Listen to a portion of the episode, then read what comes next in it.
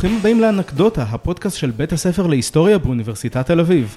אנחנו צוף פלוטקין ועודד פוירשטיין, והיום נמצא איתנו פרופסור רענן ריין, היסטוריון של ספרד ואמריקה הלטינית מאוניברסיטת תל אביב. רענן, אה, הטייטל די מספיילר מה שאתה עושה, אבל אולי תספר לנו קצת על עצמך ועל תחום המחקר שלך והגישה שלך לחומר. אני אה, במידה רבה תוצר של המוסד הזה, של אה, אוניברסיטת תל אביב.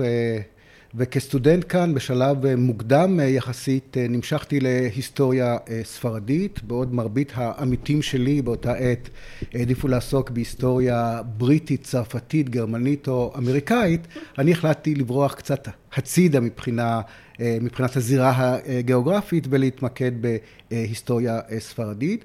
ומה שהצית את דמיוני באותה עת הייתה כמובן, אם אפשר לומר, אה, מלחמת האזרחים הספרדית, שהתחוללה בין השנים 1936 ו-1939, ולמרות שמדובר באירוע ששורשיו היו אה, בראש ובראשונה אה, ספרדיים מובהקים, כאלה שקשורים להיסטוריה הכלכלית, להיסטוריה החברתית, ליחסים בין דת ומדינה, אה, בספרד. הרי המלחמה הזו כבר מן הרגעים הראשונים שלה לבשה גם אופי אה, בינלאומי. אה, ועוררה תהודה, יצרה גלים כמעט בכל אחת מן המדינות של אירופה ושל האמריקות ואפילו מעבר לזירות האלה.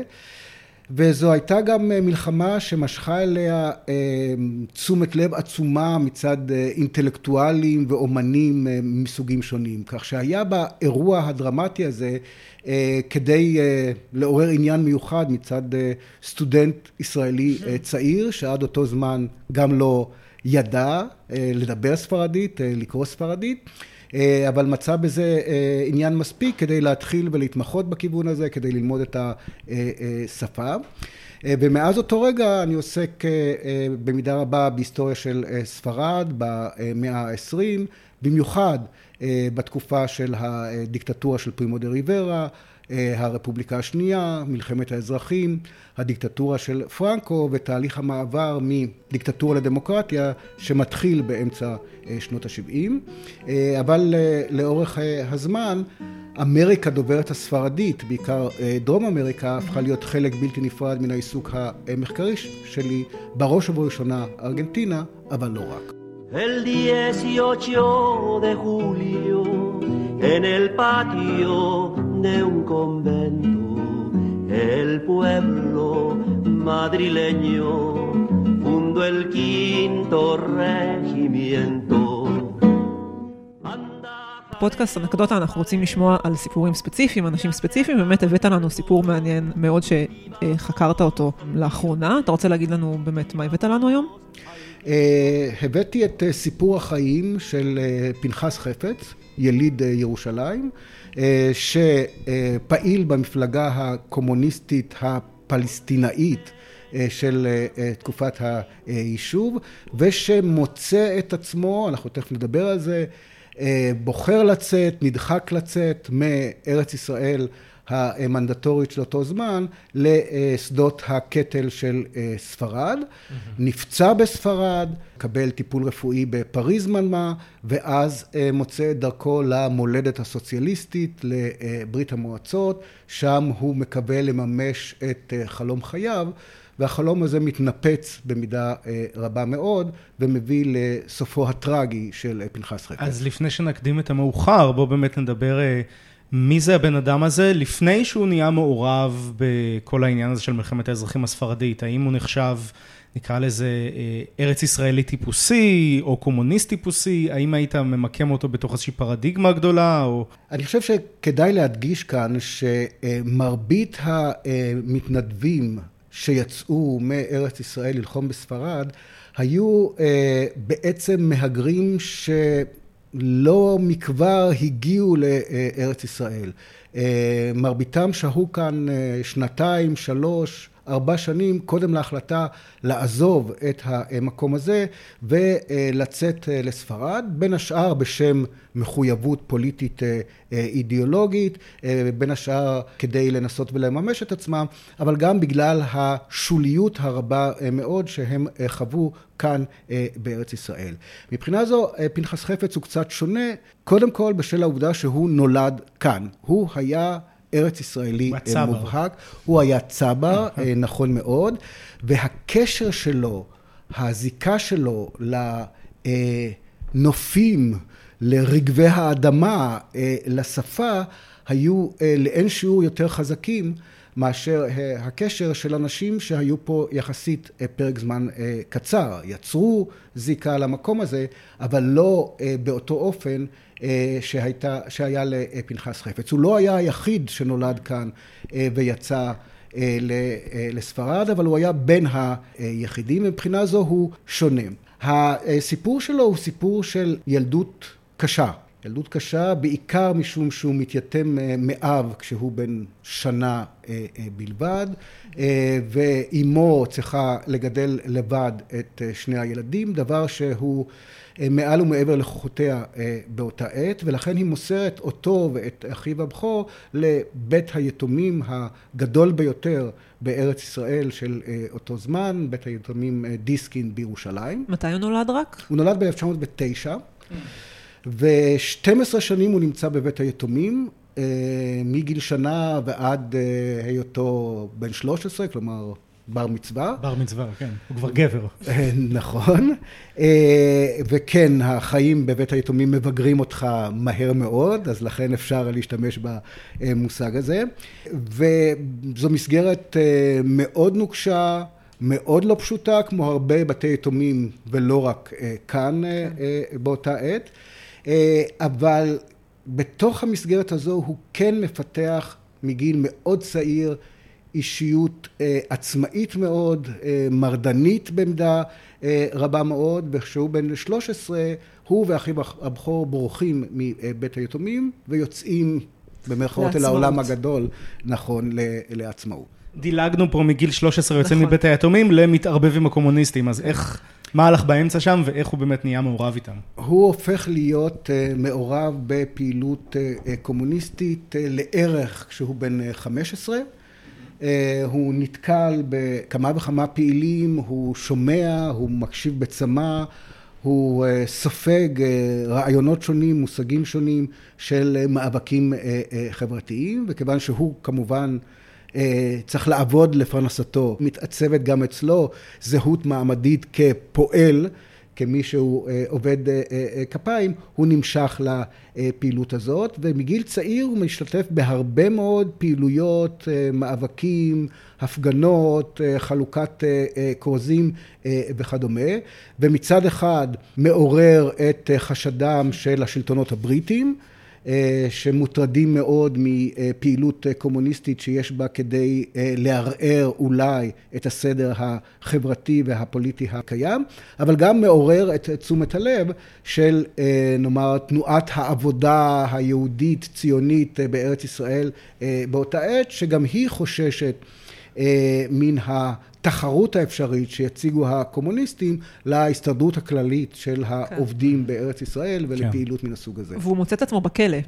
מספר פעמים בעצם. הוא מוצא את עצמו בכלא כמה וכמה פעמים לאורך העשור שלגביו יש לנו מידע רב יותר, כלומר בין 1928 לבין 1937, השנה שבה הוא עוזב או מגורש, זה עניין שגם בו אפשר לדון, את ארץ ישראל. וכאן הוא במהלך המשפטים שהוא עומד בפניהם יחד עם פעילים קומוניסטים אחרים, הוא מנצל לא פעם את הבמה הזו כדי לנסות ולהשמיע קול שיגיע אל מחוץ לכותלי בית המשפט, גם אל הציבור היהודי בארץ ישראל, כדי להציג ערכים מסוימים, אה, מאבקים מסוימים, שהוא מהווה חלק מהם. איך מתגבשת בו ההחלטה באמת שהוא רוצה לצאת לספרד? אתה גם אמרת, אני לא ברור, לא ברור אם זה יציאה או גירוש, אז מה בעצם קרה שם וכמה הוא היה אה, פעיל בקבלת ההחלטה הזו על הגורל של עצמו? ראשית, חשוב לי להדגיש שלגבי כל אחד מן המתנדבים שיצאו מכאן או מכל מקום אחר אה, כדי אה, ללחום בספרד, כאשר הם מקבלים את ההחלטה שכרוכה בה אה, סכנת חיים, כאשר מקבלים את ההחלטה שהם מוכנים להרוג ולמות בשם רעיונות מסוימים, כל אחד וכל אחת מהן מקבלים הכרעה אישית. גם אם אה, אה, לא פעם הם עוזבים כתוצאה מתחתים מפלגתי כזה או אחר, גם אם לא פעם אה, הם עוזבים משום שהם נעדרי אה, אחיזה קבועה משום שאין להם אה, מקום עבודה מסודר, משום שהם לא בעלי אה, אה, משפחות, גם אז עדיין יש פה הכרעה אישית, וחשוב לי כהיסטוריון לתת להם את הסוכנות הזאת, להדגיש את העובדה שהם לא רק נסחפים באיזשהו זרם, שהם לא רק... אה, זה לא שירה חדשה שהופיעה ולקחה את כולם. בדיוק כן. כך, אלא יש פה איזושהי אה, הכרעה אישית, ובוודאי שהסיפור החיים של אה, פנחס חפץ מאפשר לי mm. להראות עד כמה הדברים בולטים. ככל שהדברים נוגעים לשלטונות הבריטים, הרי שהם נקטו מדיניות שיטתית של גירושי קומוניסטים, כאשר מדובר היה בפעילים קומוניסטים שלא נולדו כאן. ולכן המהגרים החדשים האלה, שמגיעים בעיקר ממזרח אירופה בשנות ה-20 ובשנות ה-30 לארץ ישראל המנדטורית, אה, אה, אותם פעילים קומוניסטים לא פעם אה, מוצאים את עצמם מגורשים. מגורשים.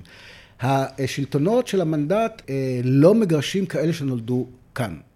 הם כן יכולים לנסות ולעודד בדרכים שונות את אותם פעילים קומוניסטים ילידי הארץ לעזוב אה, גם כן. במקרה של פנחס אה, חפץ יש לנו את העדות שבמסגרתה מגיע אליו אה, אחד מאנשי המשטרה הבריטית ואומר לו באופן מאוד כן בגלוי, תראה פנחס, אנחנו נמשיך להחזיק אותך מאחורי סורג ובריח אם תשתחרר מהמאסר הזה, אנחנו נמצא עילה לעצור אותך פעם נוספת.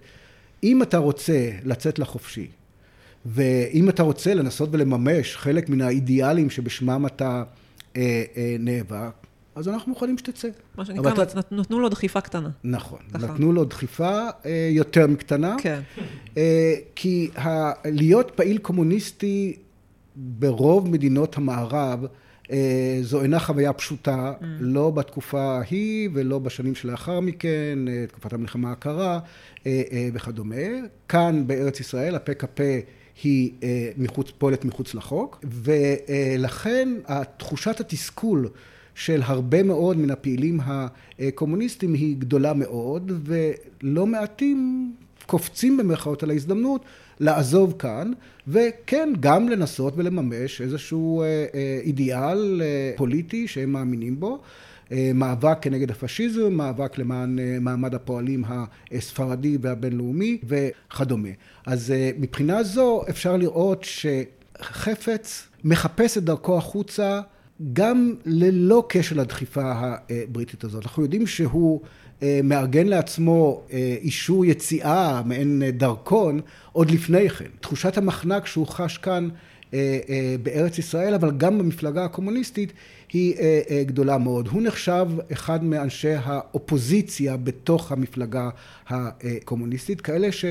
לא תמיד מרגישים נוח לקבל תכתיבים שמגיעים מברית המועצות mm-hmm. אל המפלגה כאן. בין השאר האופן שבו המפלגה מאמצת קו, נאמר, פרו-ערבי במסגרת המאבק בין פלסטינים או ערביי ארץ ישראל לבין היישוב היהודי הציוני שמתבסס כאן, אבל האופן שבו הם נותנים לגיטימיות לאלימות פוליטית של הפלסטינים כלפי היישוב היהודי כאן מעורר אי נחת.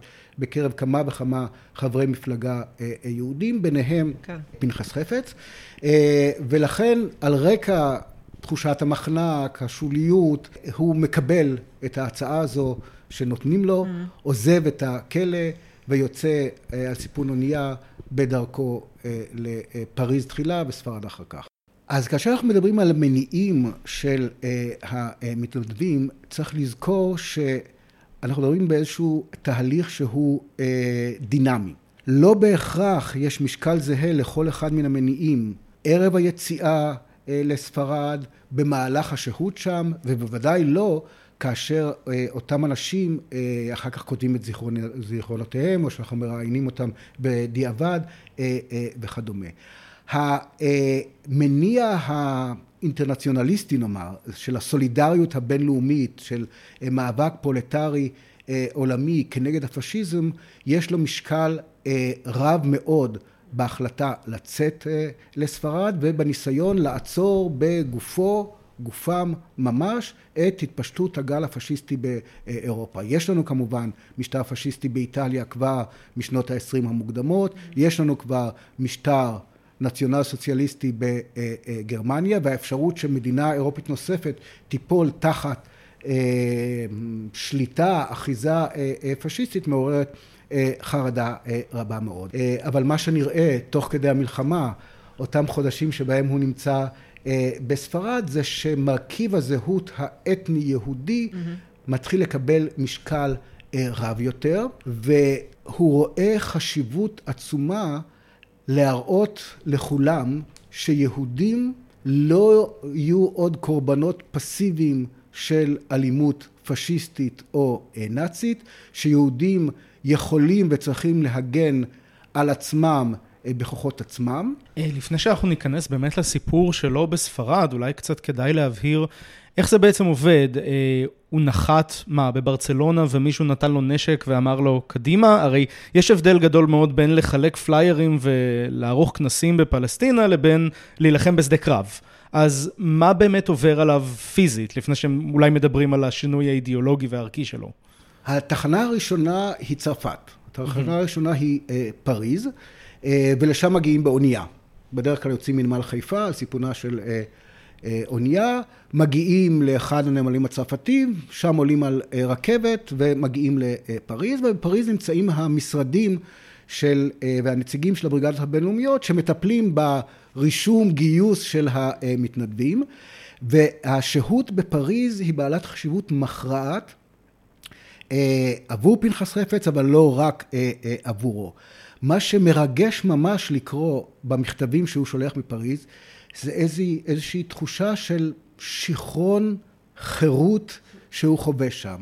אחרי שהוא חלק ממפלגה קומוניסטית קטנה, בלתי חוקית, שולית בחברה הארץ ישראלית, הוא מוצא את עצמו קשור למפלגה קומוניסטית גדולה, חזקה, רחבה, שיש לה פעילויות פוליטיות, חברתיות, תרבותיות, ושהוא זוכה לטעום אה, אה, מכמה מהן. זו תחושה מעצימה אה, שיש לה השפעה מאוד גדולה עליו, והוא משתף mm. את אחיינו בתחושה המדהימה הזו שהוא חווה.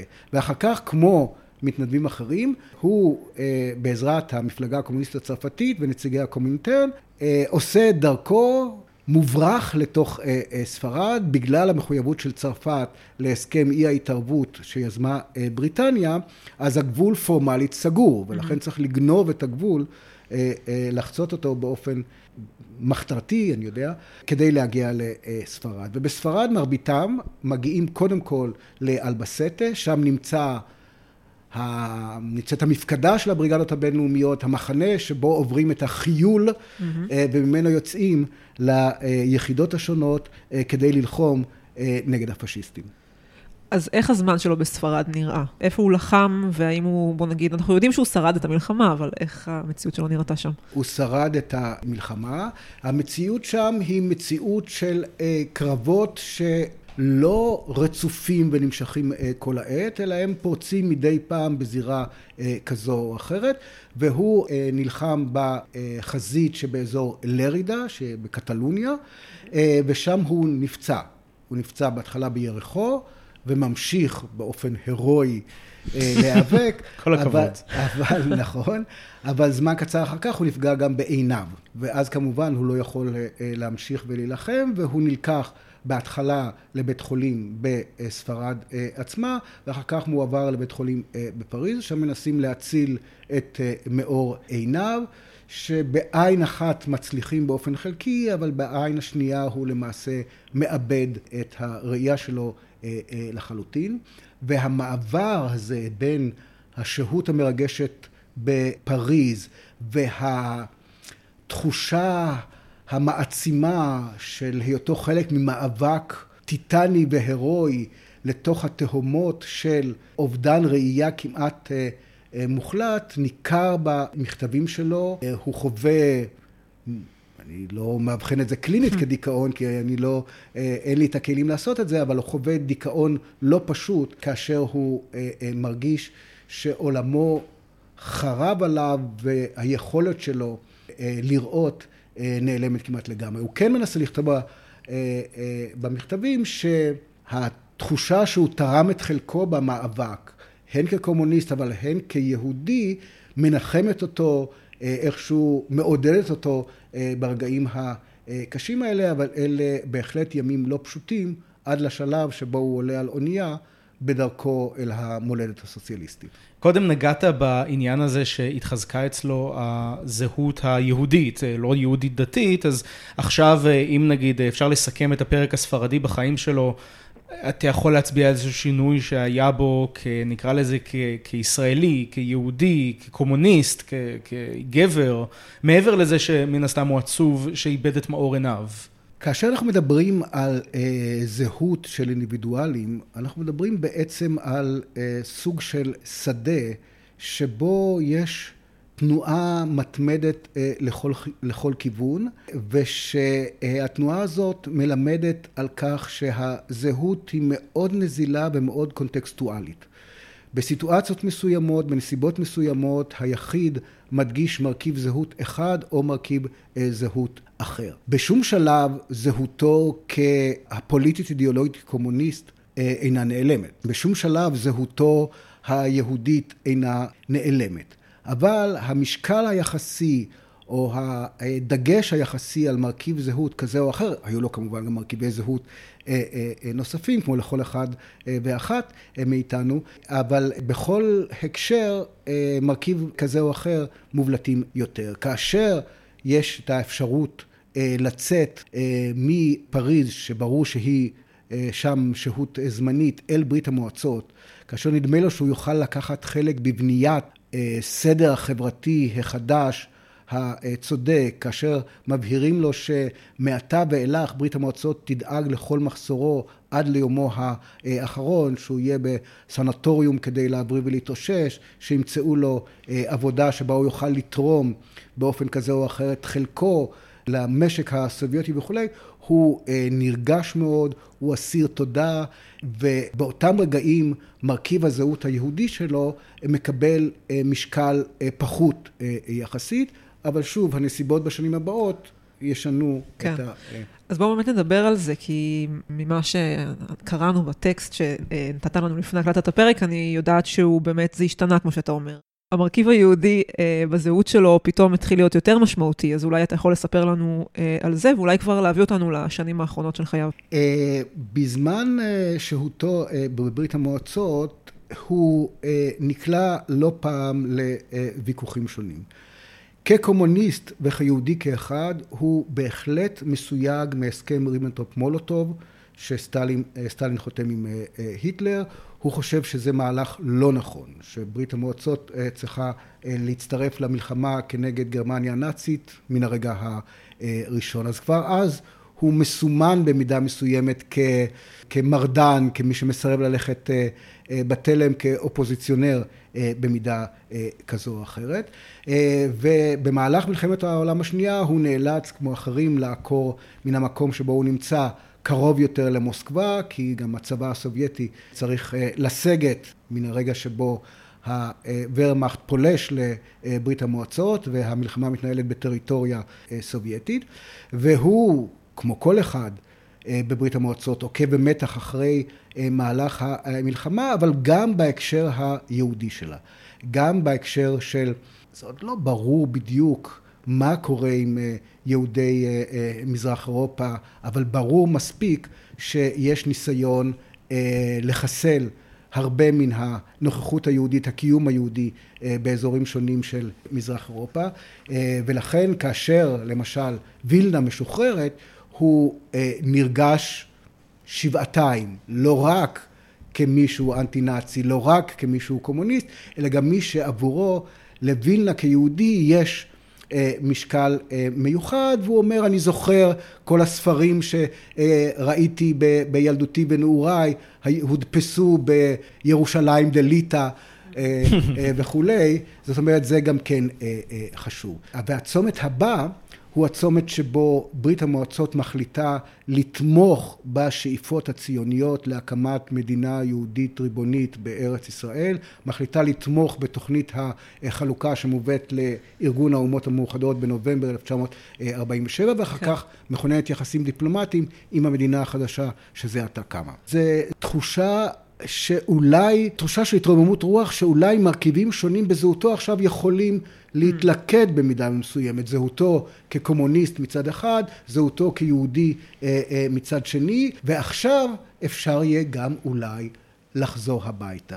כי המולדת הסוציאליסטית במידה כזו או אחרת גם מאכזבת אה, אותו, ולמרות רצונו להיות חלק מבניית הסוציאליזם, הוא לא מרגיש עד הסוף בבית. Mm-hmm. הבית היה ונשאר ארץ ישראל, ירושלים באופן ספציפי, אדמתה של ירושלים והכפרים שסביבה, קרובי המשפחה שיש לו כאן ושהקמרדס הסובייטים שם הם לא תחליף מלא לבני המשפחה הביולוגית אה, שנמצאים כן. כאן ולכן הוא מנסה למצוא את דרכו חזרה הביתה. והוא לא הצליח, אם אני זוכר נכון.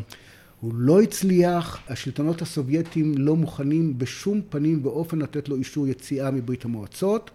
אה, יש ניסיונות של הדיפלומטים הישראלים בשגרירות שקמה במוסקבה אה, לשכנע את השלטונות הסובייטים, לאפשר לו את היציאה, ולפחות ברגע מסוים נדמה שאו-טו-טו הוא יגיע, וגולדה מאיר כבר אומרת לבני המשפחה שלו, תכינו מיטה, mm. עוד וואו. מעט פנחס יגיע הביתה, וזה לא קורה. הוא מנסה פעם אחר פעם אה, להגיע לשגרירות הישראלית, הוא תחת מעקב ופיתוח של הבולשת הסובייטית, הוא נתקל בקיר אטום, אה, ובייאושו כמר הוא כנראה, אנחנו לא יודעים את זה בוודאות, אבל הוא כנראה שם קץ לחייו על אחת ממסילות הברזל אה, באזור מוסקבה.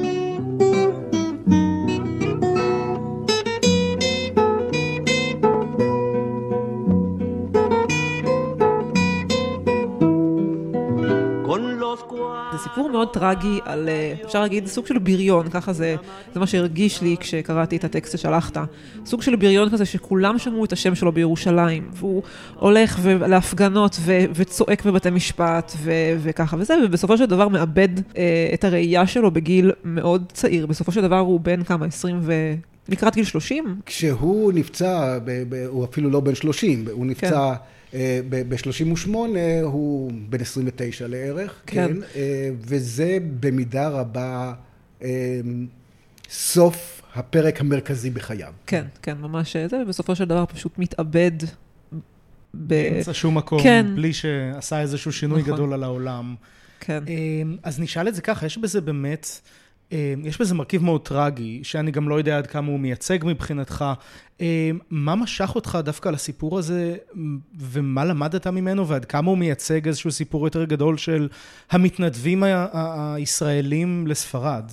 הסיפור הזה הוא סיפור טרגי ללא ספק, אה, וגורלם של לא מעטים מבין הלוחמים בבריגדות הבינלאומיות היה טרגי. ראשית, כשליש לערך מבין אה, מתנדבי הבריגדות הבינלאומיות מקפחים את חייהם בשדות הקרב של אה, ספרד, כלומר אחוז מאוד משמעותי, ורבים מאוד מאלה ששורדים את המלחמה מסיבה כזו או אחרת כאשר הם חוזרים לארצותיהם נתקלים במציאות מאוד קשה והופכים להיות נרדפים אם בשל היותם אה, קומוניסטים, או מאוחר יותר בשל היותם יהודים כאשר אנחנו מדברים על אה, מזרח אירופה. אז גורלו הטרגי של החפץ הוא גורלם הטרגי של רבים באופן אה, אה, אה, שונה. אבל סיפור חייו מבחינתי הוא בעיקר דרך לבחון את פסיפס מרכיבי הזהות של אינדיבידואלים שונים כאשר הם מחליטים, מקבלים החלטה דרמטית, החלטה של חיים אה, ומוות. אה, לא פעם הם עושים את זה בגלל מידה מסוימת של יצר הרפתקנות. לא פעם הם עושים את זה משום שאין להם אה, אחיזה מספקת במקום מגוריהם. בהקשר של עבודה ופרנסה, בהקשר של משפחה. לא פעם הם עושים את זה בגלל שוליות חברתית, פוליטית או אחרת. וכמובן שהמרכיב הפוליטי האידיאולוגי בהחלט קיים במשקל כזה או אחר לאורך כל הדרך. אני בעיקר מנסה לפרק כמה מן הדיכוטומיות שמדברות על מאבק למען הדמוקרטיה כנגד הפשיזם, כאילו המניע היחיד ליציאה הוא כזה כן. שהוא פוליטי אה, אידיאולוגי. לעומת זאת, אני כן יוצא כנגד כל מיני ניסיונות להציג אותם רק כסוג של אה, תלושים והרפתקנים שאם לא היו מגיעים למלחמת האזרחים הזו, היו מגיעים למאבק דומה אה, אה, אה, במקום אחר. ובעיקר אני מנסה להראות, להראות כיצד המשקל היחסי של מרכיבי זהות שונים כל הזמן משתנה. משתנה. שכשאנחנו מדברים על זהות של אינדיבידואלים, אנחנו מדברים על סוג של משא ומתן בין מרכיבי אה, אה, זהות, אה, סוג של תנועה מתמדת בתוך איזשהו מרחב זהותי, אה, אה, ולכן אני מבקש להימנע מכל מיני קביעות שהן אה, נוקשות, שהן סטטיות, mm-hmm. שמנסות להגיד המתנדבים כך, המתנדבים אחרת, כאילו בכל נקודת זמן הדברים הם דומים, כאילו לגבי כל אחד מהאינדיבידואלים הדברים הם אה, זהים. האמת שזה, שזה מאוד מעניין, כי יש פה בעיקר את הסיפור הזה של דמות, בן אדם שהיה קצת אנטי-ציוני ופעל נגד המפעל הציוני, ובסופו של דבר מת מ, אפשר להגיד, געגועים למולדת הציונית. אז ככה, כשאלה אחרונה, אה, נשאל אותך, מה הצעד הבא במחקר שלך, ואם למחקר הזה ולתובנות שקיבלת ממנו יש איזושהי השפעה על זה. אז אה, אחד המחקרים שלי שממשיך את המהלך הזה, אה, מבקש לשלב גם את ההיבט המגדרי אה, בדיון, ואם המתנדבים הארץ ישראלים בכללם לא זכו לתשומת לב מספקת אה, במחקר, הדברים בולטים עוד יותר לגבי המתנדבות הארץ ישראליות שיצאו לספרד, ואני אנסה באופן כזה או אחר לשחזר את סיפור חייהן של ארבע מתנדבות, אחת ילידת ארץ ישראל, שלוש ילידות אה, מזרח אירופה שהיו מהגרות אה, חדשות כן. יחסית כאן בטרם הם יצאו לספרד. הבחירה לעסוק בארבע דמויות ולא באחת, חלקה נובעת מן האילוץ שלגבי אף אחת מהן אין את אותו שפע יחסי, כן צריך להגיד את זה, להדגיש את המילה יחסי, אין את אותו שפע יחסי של מקורות כמו לגבי כן. פנחס חפץ, אבל גם בניסיון לצייר איזושהי תמונה אה, רחבה יותר. כתבתי בשנים קודמות את הסיפורים הפוליטיים היותר גדולים שקשורים למלחמת האזרחים, עכשיו אני מבקש לעשות סוג של אגו היסטוריה, סוג כן. של היסטוריה אה, שהיא גם ביוגרפיה של אה, דמויות אה, מסוימות. אז אם מישהו ממאזיננו רוצה לקרוא על זה עוד, הבנו שמתפרסם מאמר שעוסק ספציפית בפנחס, האם תוכל... המאמר על פנחס חפץ יוצא בעברית בכתב העת קתדרה, בימים אלה ממש, ובאופן כללי למתנדבים הארץ ישראלים יש קטלוגים של שתי תערוכות חשובות שהתקיימו לפני כמה וכמה שנים, אחת במוזיאון ארץ ישראל, והקטלוגים האלה עשירים לא רק ב... חומר אה, טקסטואלי על המתנדבים, אלא גם בחומר ויזואלי, צילומים של כמה אה, מהם, צילומים של כרזות שהתפרסמו אה, כאן בארץ ישראל וניסו לגייס תמיכה במאבק של הרפובליקה הספרדית, אספות עם למיניהם וכדומה. פרופסור רן ריין, תודה רבה. תודה לכם. שמחנו לארח אותך כאן. אז אנחנו נתראה בעוד שבועיים בפרק הבא, עודד. כן, נתראה בפרק הבא.